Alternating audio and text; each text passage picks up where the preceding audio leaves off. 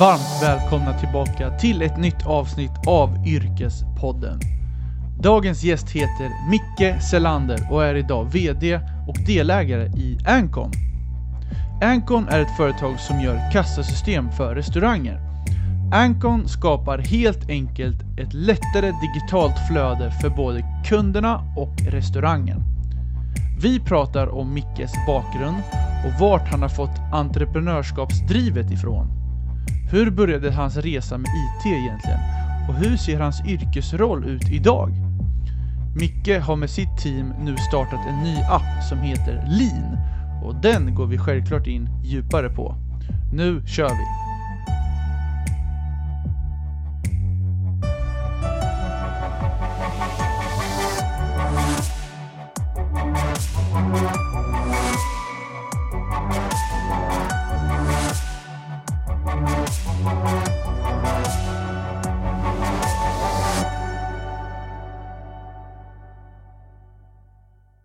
Välkommen till Yrkespodden Micke! Tack. Hur är läget? Jo men det är bra. Eh, Jag är väl inne på två glas champagne idag så det är en bra, bra start. Just det, ni har firat lite grejer. Ja, jajamän. Vi har uh, hållit på med ett projekt i ett och ett halvt år ungefär. Och idag gick vi live. Så det, det är en stor dag. Härligt, och vi kommer faktiskt komma in på det här projektet lite senare. Men vi kommer börja lite med, eh, vem är Micke? Vem är Micke? Ja, eh, nej men tech-entreprenör, eh, 34 bast, två barn, fantastisk fru, gott liv, Härligt. full fart. Du, om vi backar bandet lite då, eh, vart är du uppväxt någonstans? Jag eh, är uppväxt i en liten stad som heter Lysekil på den eh, svenska västkusten, 10 mil norr om Göteborg.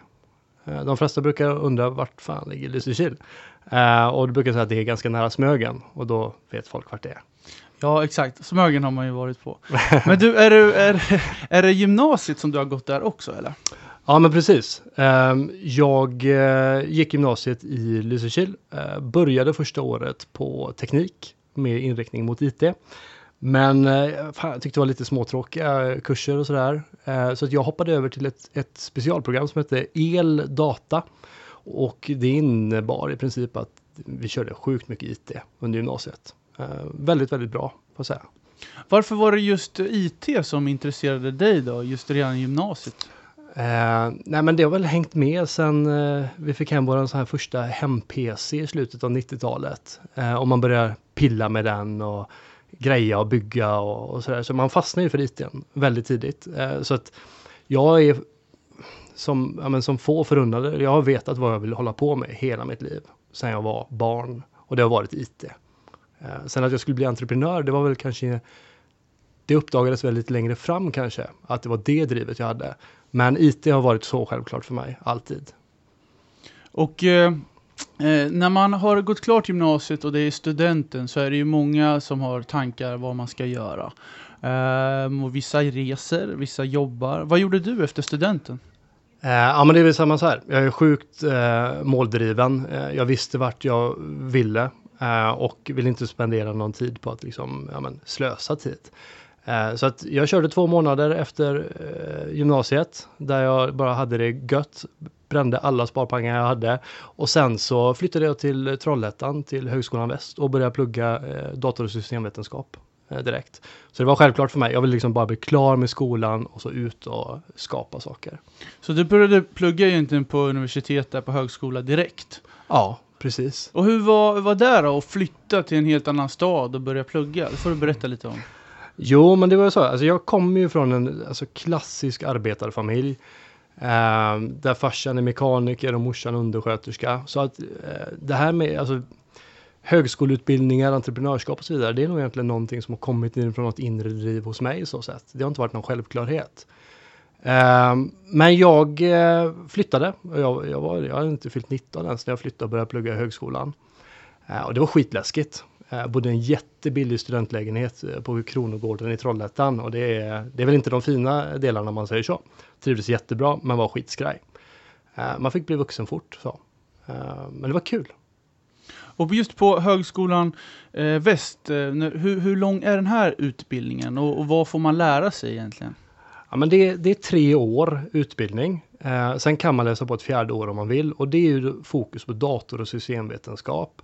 Eh, sen finns det två olika inriktningar. Det finns dels systemutveckling, alltså skriva datorprogram och det finns en inriktning på mer mot eh, service och drift av IT-system. Eh, och jag gick den sistnämnda där.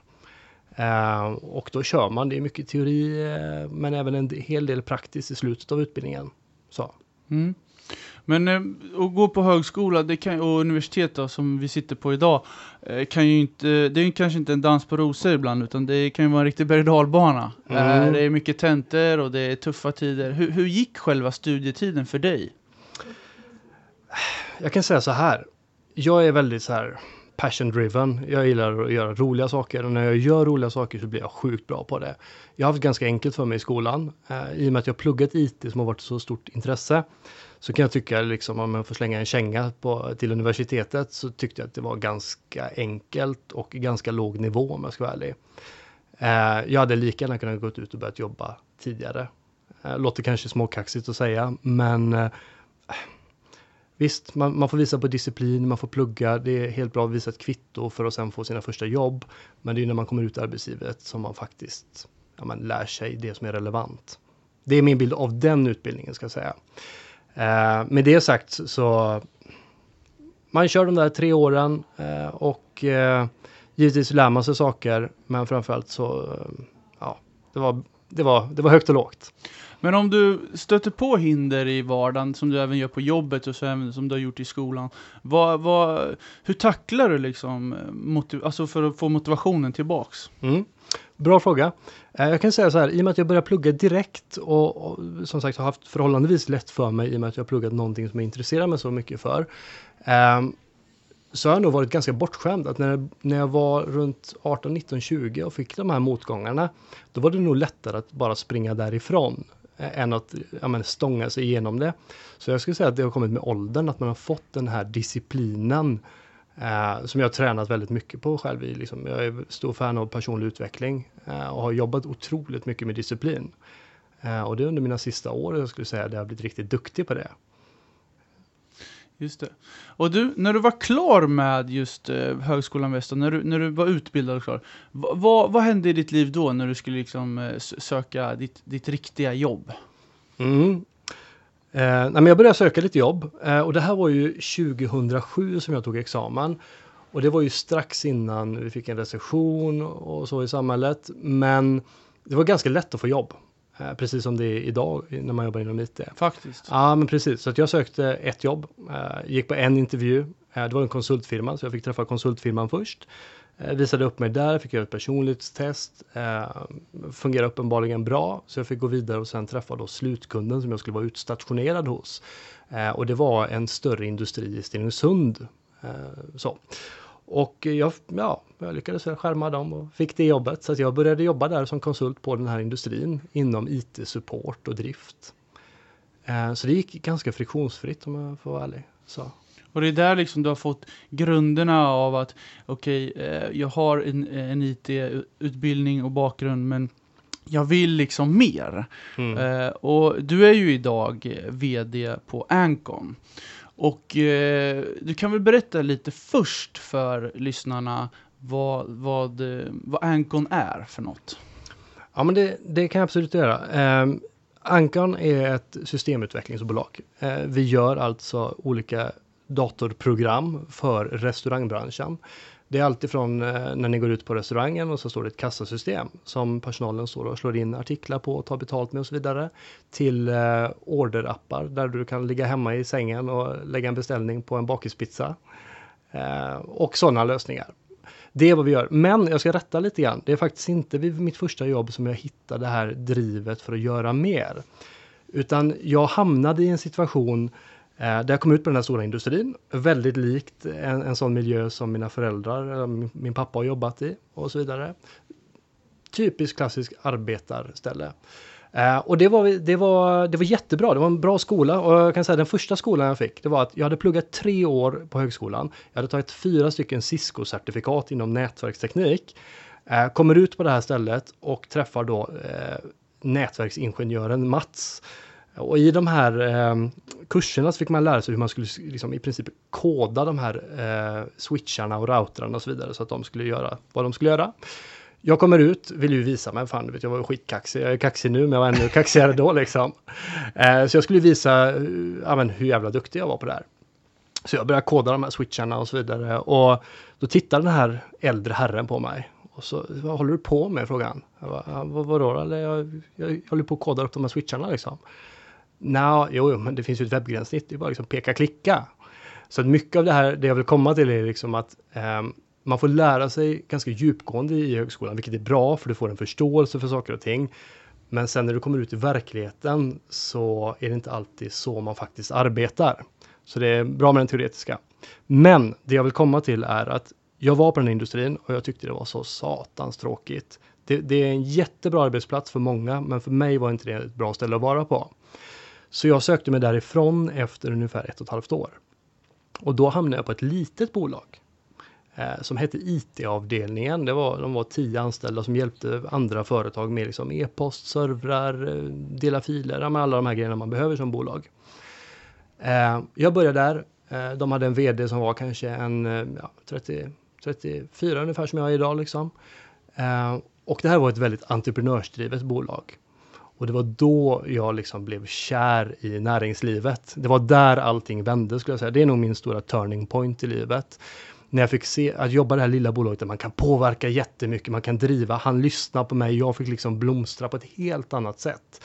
Det var en bra arena för mig att röra mig i. Eh, så det var där eh, hungern för sälj, entreprenörskap, hela den biten eh, ja, men, uppdagades. Du kan väl ändå berätta lite nu när du är inne på mm. det, hur liksom din resa började med Ancon. För vi har ju fått reda på lite vad Ancon är nu, men jag är jättenyfiken att få höra på liksom din resa, hur, hur allt startade. Ja, men det, det är bra och det, det, är en ganska märklig historia. Och man skulle kunna säga att det är slumpens skördar, men det kan också vara eh, resultatet av många års slit. Mellan 2007 till 2010 så bodde jag i Göteborg eh, och jobbade då på det här, slutligen i det här bolaget som jag nyligen berättade om. Eh, sen var det som så att jag träffade en helt fantastisk eh, kvinna. Vi, hon blev gravid och vi bodde då i hemstaden Lysekil. Och då behövde jag ha en, ja, ett stabilt jobb så att jag hamnade återigen på en industri. Och då var det eh, ja, den stora industrin i den lilla staden Lysekil som heter Preem, ett oljeraffinaderi och jag började på IT-avdelningen där eh, med support och så vidare. Jag höll på med det, jag klarade ungefär ett och ett halvt år igen och sen så ville jag, ja, jag ska inte säga vad jag ville göra. Jag slutade i alla fall. Eh, fick ett jobb återigen på ett litet IT-bolag, trivdes jättebra. Och då var det ett bolag i Uddevalla, så jag fick pendla lite hemifrån. Sen kom det ut en liten annons på det lilla, lilla företaget Ankon i Lysekil. Så jag bodde i Lysekil, det finns ett enda IT-företag i Lysekil och de sökte en säljare. Så jag tog det jobbet. Eller jag sökte det och så fick jag det. Ehm, jobbade där i fyra månader och vid det här laget så hade väl jag liksom lagt ner kanske lite entreprenörsdrömmarna och liksom, då hade jag två barn och hus och fru och ja, men, man vill ha en stabilitet samtidigt som jag inte liksom, ja, hade inte riktigt blomstrat än. Yrkespodden kan gladligen berätta mer om sitt nya samarbete med appen Lean, L-E-E-N om du är som jag och älskar att vara ute och äta på restaurang, då vill jag tipsa dig om den här nya appen Lean. Genom Lean, då kan du beställa mat snabbt och smidigt oavsett om du är hemma eller om du sitter på bordet på restaurangen. Lean gör det också enklare och billigare för just krögaren. Och i samarbete med appen Lean så har vi nu startat en tävling där ni kan tipsa om en restaurang som ni vill ska finnas i appen. Och det kanske är din favoritrestaurang. Och då gör du så här. Du mejlar tips till yrkespodden snabela leen.co. Vinnaren får nämligen ett presentkort på 1000 kronor att käka för. Och det vill ni ju inte missa. Tack så mycket, Lin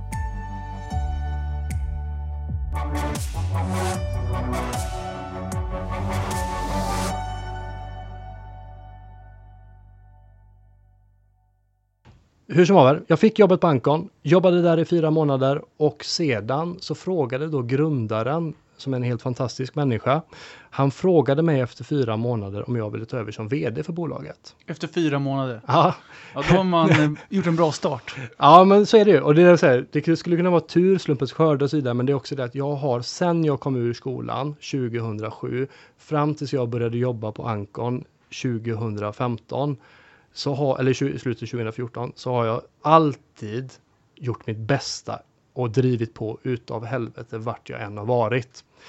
Eh, Göran som är en väldigt intellektuellt begåvad man, han såg det efter fyra månader. Att det här är, det här är en galen människa. Han ska jag släppa fram. Eh, och det gjorde han efter fyra månader. Så i mars 2015 så tog jag över som extern vd för bolaget. Och då hade vi, ja men det var, vi hade en mjukvara som var från 1998. Eh, vi hade åtta anställda, omsatte 8 miljoner och det var det bolaget, bolaget jag tog, hand, eh, tog över. Goda värderingar men, ja men eh, en äldre mjukvara och det fanns en hel del att förbättra. Och det var det jag fick ta över. Och idag, som du säger, du är fortfarande vd idag. Du kan väl berätta lite från ditt perspektiv hur din, din yrkesroll ser ut? Vad är liksom dina uppgifter i bolaget? Mm. Men jag skulle säga att min yrkesroll har förändrats väldigt mycket också under den här, de här åren som har varit. Eh, för i egenskap av vd och speciellt i ett tillväxtföretag så måste du hela tiden växla upp dig själv i takt med att bolaget växer. När jag tog över 2015 då, då skötte jag ekonomi, jag skötte personal, jag skötte försäljning, jag skötte support, jag skötte utveckling, jag skötte alla delar i bolaget egentligen. Eh, så där började vi utveckla en ny plattform som vi lanserade 2016. Och under de här åren så ska jag säga så här, jag brukar kalla oss världens äldsta startup. Eh, för att vi är ett gediget äldre bolag, eh, men vi har den här startup-feelingen. Där det är liksom, ja, men sjukt mycket energi. Vi har jobbat, eller vi jobbar väldigt hårt och har gjort under en lång tid. Men under de första åren så gjorde jag väldigt mycket. Sen har jag skjutit ut mig, i takt med att vi växer så skjuter jag ut mig ur Eh, respektive roll. Till exempel, jag har inte hand om försäljning längre. Jag har inte hand om support längre, utan då har jag anställt eh, avdelningschefer för respektive avdelning. Så min roll går mer och mer från att vara eh, operativ i de olika avdelningarna till att jag blir mer strategiskt. Eh, så. så det har varit en superresa. Och jag menar, nu stängde vi i juni på 41 miljoner och är 33 anställda. Så att det har varit en jätteresa de här åren. Och det är ändå bara början. Wow.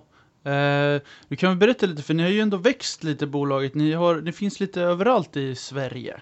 Kan vi berätta lite vart ni finns? Och, så? Mm. och hur den resan har liksom popplat upp att ni finns i olika städer. Ja men precis, alltså vi har ju huvudkontoret i den lilla staden Lysekil. Eh, jag tror vi är 19 personer där idag. Eh, och där har vi eh, några systemutvecklare, vi har supporten, vi har några innesäljare, lite administration. Eh, och det där på huvudkontoret eh, så har vi också då under 2016 tror jag det var så startade vi ett kontor i Göteborg där vi anställde en säljare och även i Stockholm. För det är ju som så att vi jobbar mot restaurangkunder. Var finns det mest restauranger? Jo, men Göteborg och Stockholm såklart. Eh, Så vi har startat säljkontoren där. Eh, Och sen så har de växt eh, ja, men löpande under åren i takt med våran tillväxt. Eh, Så, ja. så. Eh, och sen så har vi även då ett systemutvecklingskontor i Örebro. Eh, Och där är det som så att i och med att vi växte så snabbt, vi hade så många produkter som vi behövde och ville utveckla, så gick vi till utlandet först. Eh, Så vi har jobbat ett och ett halvt år med, jag tror det är 12 utvecklare i Sri Lanka. Och vi har gjort det och det har gått jättebra. Men någonstans så kände vi att vi ville börja lyfta hem det för att kunna snabba upp utvecklingen ytterligare. Eh, och då hamnade vi i Örebro. Så att vi har åtta utvecklare i Örebro som bygger våran eh, nya plattform som vi då har lanserat och firat idag. Ja, just det. Vi ska komma in på det alldeles strax. Men jag är också lite nyfiken på att varför just Örebro? Liksom? Var, var, varför blev det så? Nej men så... Um, jag är väl inte alltid superrationell va? Nej, så här är det. Ehm, jag och min fru har ju bott i hemstaden Lysekil, men vi kände någonstans att vi ville ehm, till en större stad. Och jag har brorsan här och jag och han är tillsammans med min frus bästa kompis. Så ehm, ja, det var egentligen därför. Och i samband med att jag flyttade till Örebro så eh, lyfte vi då hem utvecklingen från Sri Lanka och byggde det här eh, kontoret i Örebro. Så jag anställde sju personer ja, men liksom på en och samma gång. Så jag köttade 23 jobbintervjuer på två dagar. Ja, det, den är tuff. Ja, fy fan, då var man trött. Men eh, nu har ni verkligen fått till det och eh, det är det här som är lite spännande också nu att få höra att nu har ju ni gjort ett helt nytt projekt Mm. i Ancon som du ska få berätta lite mer om. Mm. Du kan väl egentligen bara börja med hur liksom tanken först kom till Mm. för att sen utveckla hela projektet. Ja, men alltså så här, när, när jag tog över bolaget eh, så menar, i grund och botten det vi gör som systemutvecklingsbolag det är att vi utvecklar kassasystem. Och jag kommer från IT-branschen och har gjort massa balla grejer under åren. Och jag tyckte sådana där kassasystem känns jävligt osexigt. men men eh, ett kassasystem gör så sjukt mycket mer än vad man tror. Alltså det får ju hela restaurangen liksom att snurra via liksom digitala hjälpmedel. Det är det vi har hållit på med i flera år. Vi har sedan lagt på skärmar i köket, självbetjäningskassor. Ni har säkert varit på Max, McDonalds, Chop Chop och så vidare. Eh, Sådana här lösningar har vi kunnat erbjuda till liksom små och stora kunder.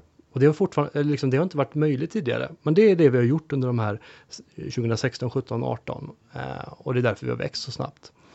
Eh, men sen så kommer vi också- också till det här när du ligger där på söndagen och är lite trött och vill beställa din pizza eller vad det nu må vara. Eh, då började vi utveckla den här nya plattformen som vi kallar Lean. Eh, och eh, det är helt enkelt en app där du kan beställa din mat, take away eller eat in, dagens lunch, buffé. Du kan beställa från ett bord, du kan beställa utkörning, vad det nu må vara. Och det här är kopplat till Ancons alla kassasystem. Så i och med att vi har över 1200 restaurangkunder i Sverige så kan vi koppla på den här restaurangappen till alla dessa och mer därtill. Och det är även en, en produkt som vi med sen första kodrad för ett och ett halvt år sedan har byggt för att det ska kunna vara eh, en global lösning också. Precis som Kalle i Göteborg så ska Manuel i Madrid kunna köra den här lösningen. Oj, det känns ju väldigt, väldigt stort. Ja, så är det. Men eh, kul, och Lean stavas ju L-E-E-N Ja, och den finns live nu på App Store eller? ja sen idag. Häftigt. Ja, det är sjukt. Eh, alltså, du vet, man har jobbat med någonting i ett och ett halvt år. Och man, det har inte varit lätt och det har inte alltid varit så jävla roligt. Och killarna har kämpat som svin, om man får säga det. Och jobbat ja, men, sena nätter eh, för att förverkliga det här. Så det är första steget. Eh, och jag menar, nu, nu, vi har växt bolaget bra, men det här är bara starten. Vad kul. Och, och grejen är att det här är ju så häftigt att höra att det här är just i starten, men jag kan tänka mig att du, du ligger lite här framme redan och vad, vad som ska hända med Lean, så det kan du väl dela med dig lite av. Vart är Lean liksom om fem år? Om fem år så ska Lean finnas på alla världsdelar. Eh, det finns jättemånga sådana här lösningar eh, redan, så det ska inte sticka under stol med. Eh, däremot så finns det vissa problem med många av de konkurrerande lösningarna som vi anser att vi har en lösning på. Eh, Och det är en kostnadseffektiv och jäkligt sexig lösning. Så att jag, det, ja, det kommer bli en jätteresa. Och vi tittar lite grann också på hur vi ska förverkliga det med kapital och så vidare. Ja, och hur, hur går tankarna nu kring just det? Ni vill ju få ut liksom, ni vill sprida budskapet Mm. nu med den här appen och folk ska ladda ner den. Så vad är liksom första steget nu att få den att blomma? Nej, men första steget är ju så här. Eh, Du kan ju inte beställa i några restauranger om det inte finns några restauranger öppna. Och det är där vi har det så bra. För i och med att vi har vårt restaurangnätverk som är upparbetat sedan 1998 så kan vi addera på den här. Vi har ingen startkostnad, ingen löpande kostnad utan bara liksom en viss transaktionskostnad. Så på det sättet kan vi få ut den i Sverige, testa den, få traction på marknaden och utifrån det så kan vi dra också mycket lärdomar och sedan börja liksom marknadsföra den globalt. Då. Mm. Häftigt.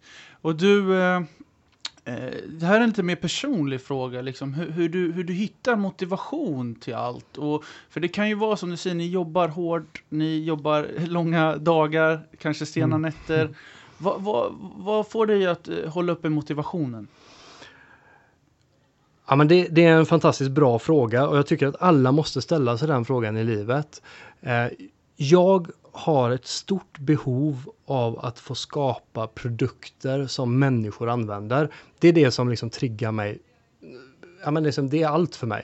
Att få skapa en produkt som du och dina polare använder, det är en känsla som är, ja, den är värd guld för mig.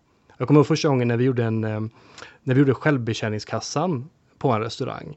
Så att de kunde gå in på restaurangen och så kunde de då på en sån här maskin beställa liksom, ja, men jag vill ha en sån här maträtt med den här drycken och betala och så vidare. När jag såg den första personen gå in på restaurangen och trycka på skärmen och välja sina produkter och sen uh, betala. Uh, det var true story, jag, jag blev liksom tårögd. Alltså för liksom på att påverka människor på det här sättet. Det, det är nog det som är genomgående.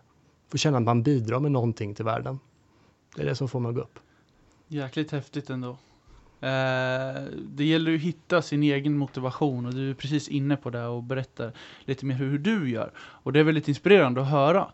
Eh, men om vi, om vi kom, kanske kommer in på lite samma fråga här, men vad, vad är liksom framtidsplanerna nu för, för Ancon? Är det, är det satsa på lean eller kommer ni eh, utveckla fler saker eller ska ni satsa på kassasystem? Vad händer? Vad är framtidsplanerna? Det är liksom du som sitter där med spakarna.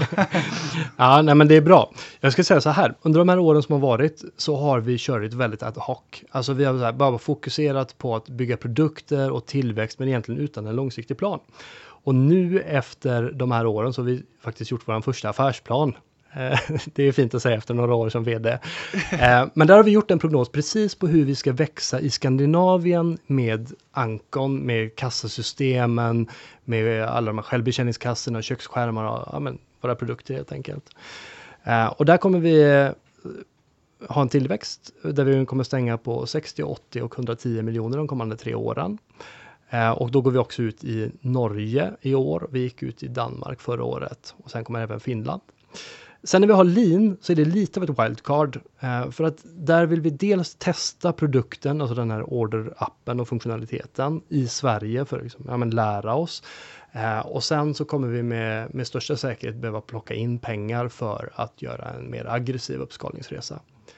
Eh, jag kan ju gå, alltså personligen så är det som så här att jag har drivit ett tillväxtbolag nu ett gäng år. Det har varit en jättekul resa, man har fått lära sig så sjukt mycket. Eh, men jag vill personligen ta nästa steg, att gå från att driva ett tillväxtbolag till ett eh, uppskalningsbolag och ett sedermera större bolag. Hur kommer ni jobba med eh, marknadsföringen kring just, eh, om vi tar lean då? Eh, för det finns ju mycket eh, eh influencer marketing som att hitta influencers som ska dela den här appen. Och hur, hur, hur går dina visioner där? Ja men det, det är precis så, alltså det här med att trycka artiklar i tidningen, det är inte riktigt det vi kommer foka på utan eh, influencer, alltså göra det till liksom en lifestyle-app, eh, satsa på influencers på respektive marknad. Eh, men sen så blir det också där att det blir lite grann city by city-attackering. Eh, Lyfter vi in väldigt mycket restauranger i en stadsdel eller en stad, beroende på hur stort det är, så blir det som också så att restaurangen driver in eh, användarna i appen. För de vill gärna slippa svara på telefonbeställningar och så vidare. Så då ber de sina gäster att ja, men du använder linappen och lägger din beställning. Så ploppar det till i min kassa och så får du din mat så behöver vi inte prata med varandra. För det är skitbra. Tittar du på ja, men, men människorna idag, det är, de på restaurangen vill inte svara i telefon och du vill högst troligtvis inte ringa och beställa din mat heller. Just det. Men om du eh, går in lite på vad era typiska kunder är på, på Ancon. För mm. jag vet ju, du och jag har ju pratat lite tidigare och du, du liksom har en liten känsla om att det, finns en del, det finns en del krögare och så finns det den här entreprenörerna som har restaurangerna. Så du kan väl beskriva lite mm. vad era typiska kunder är? Ja, men alltså, restaurangbranschen är ju sjukt spännande och vi har ju fått en, en väldigt fin tillväxt på restaurangbranschen i Sverige. Det har blivit en annan kultur. Vi går ut och käkar mycket oftare än vad vi gjorde förr. Eh, mycket av nattklubbarna går ju mycket mer mot upplevelser eh, där man kör shuffleboard och man dricker och man bovlar och man har det gött och man äter bra mat och goda drinkar och så vidare. Eh, tittar vi på våra kunder så är det egentligen små till stora krögare. Det är alltifrån den här kocken som driver sin kvarterskrog. Han fokar mycket på maten. Eller, ja, men det, liksom, det är hans liv, det är hans passion den här restaurangen. Sen har vi de här entreprenörerna som har 26 försälj, alltså försäljningsställen, restauranger och driver det här ja, men, som en riktig affärsverksamhet. Så liksom, vi brukar säga att vi har entreprenörs-André och vi har krögar-Kalle. Det är våra två personer som vi riktar marknadsföringen till. Eh, men däremot så har restaurangbranschen, eh, ja men den har växt otroligt mycket de senaste åren. Och det har kommit in otroligt mycket entreprenörer också i den. Ja, det, det är häftigt att höra för de, de ni som har koll på mm. det här. Men du, eh, vi kommer faktiskt att runda av det här lite just nu. Och i podcasten så får ju alla mina gäster alltid ge tips. Okej. Eh, och då har jag valt att du ska få ge tre tips.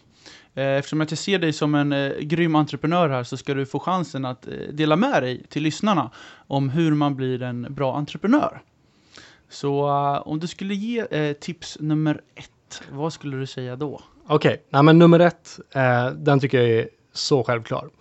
Du ska hitta det som du drivs av. Är det pengar? Ja, men hitta då en verksamhet där du kan tjäna bra med deg. Är det att skapa produkter? Ja, men hitta en verksamhet där du eh, kan skapa produkter. Vill du förbättra världen? Gör det. Hitta det som du drivs av. Första superbra tips. Och ett tips nummer två då, vad skulle du säga att det är? Mm. Då skulle jag säga så här, och det önskar jag nog att jag hade gjort lite mer själv från början. Och det är lyssna på folk, titta på hur andra gör saker, lär dig av dem, ta rygg på dem, titta på en grym entreprenör och ta rygg på den personen. Men var fan inte rädd att springa om han sen. Eller hen. Snyggt, snyggt. Och ett tredje avslutande tips då? Ja, men det viktigaste, och det hoppas jag verkligen i mitt hjärta att eh, våra kunder och personal känner. Och det är var snäll. Eh, var en bra människa och var, respektera kunder, anställda, leverantörer, vem det än må vara, så kommer eh, tillväxten och ett fint liv komma. Shit, tre superbra tips av Micke från Ancon. Du, eh, tack så mycket för att du var med i Yrkespodden. Tack så mycket. Då säger vi hej då. Tja! Hej hörni, Jens här från Yrkespodden. Hoppas ni tycker om podcasten och se till att prenumerera på Yrkespodden i din poddapp. Det finns på Spotify, iTunes, Acast, Soundcloud, ja, ni vet, där alla poddar finns. Jag finns också på LinkedIn, Jens Jangdin, och även på Instagram, där jag också heter Jens Jangdin. Och stort tack till min högra hand som klipper min podd, Sebastian Myrdal. Har ni frågor angående klippa podcast så ska ni höra av er på sebastian.myrdal.gmail.com. Tack så mycket! We'll be right back.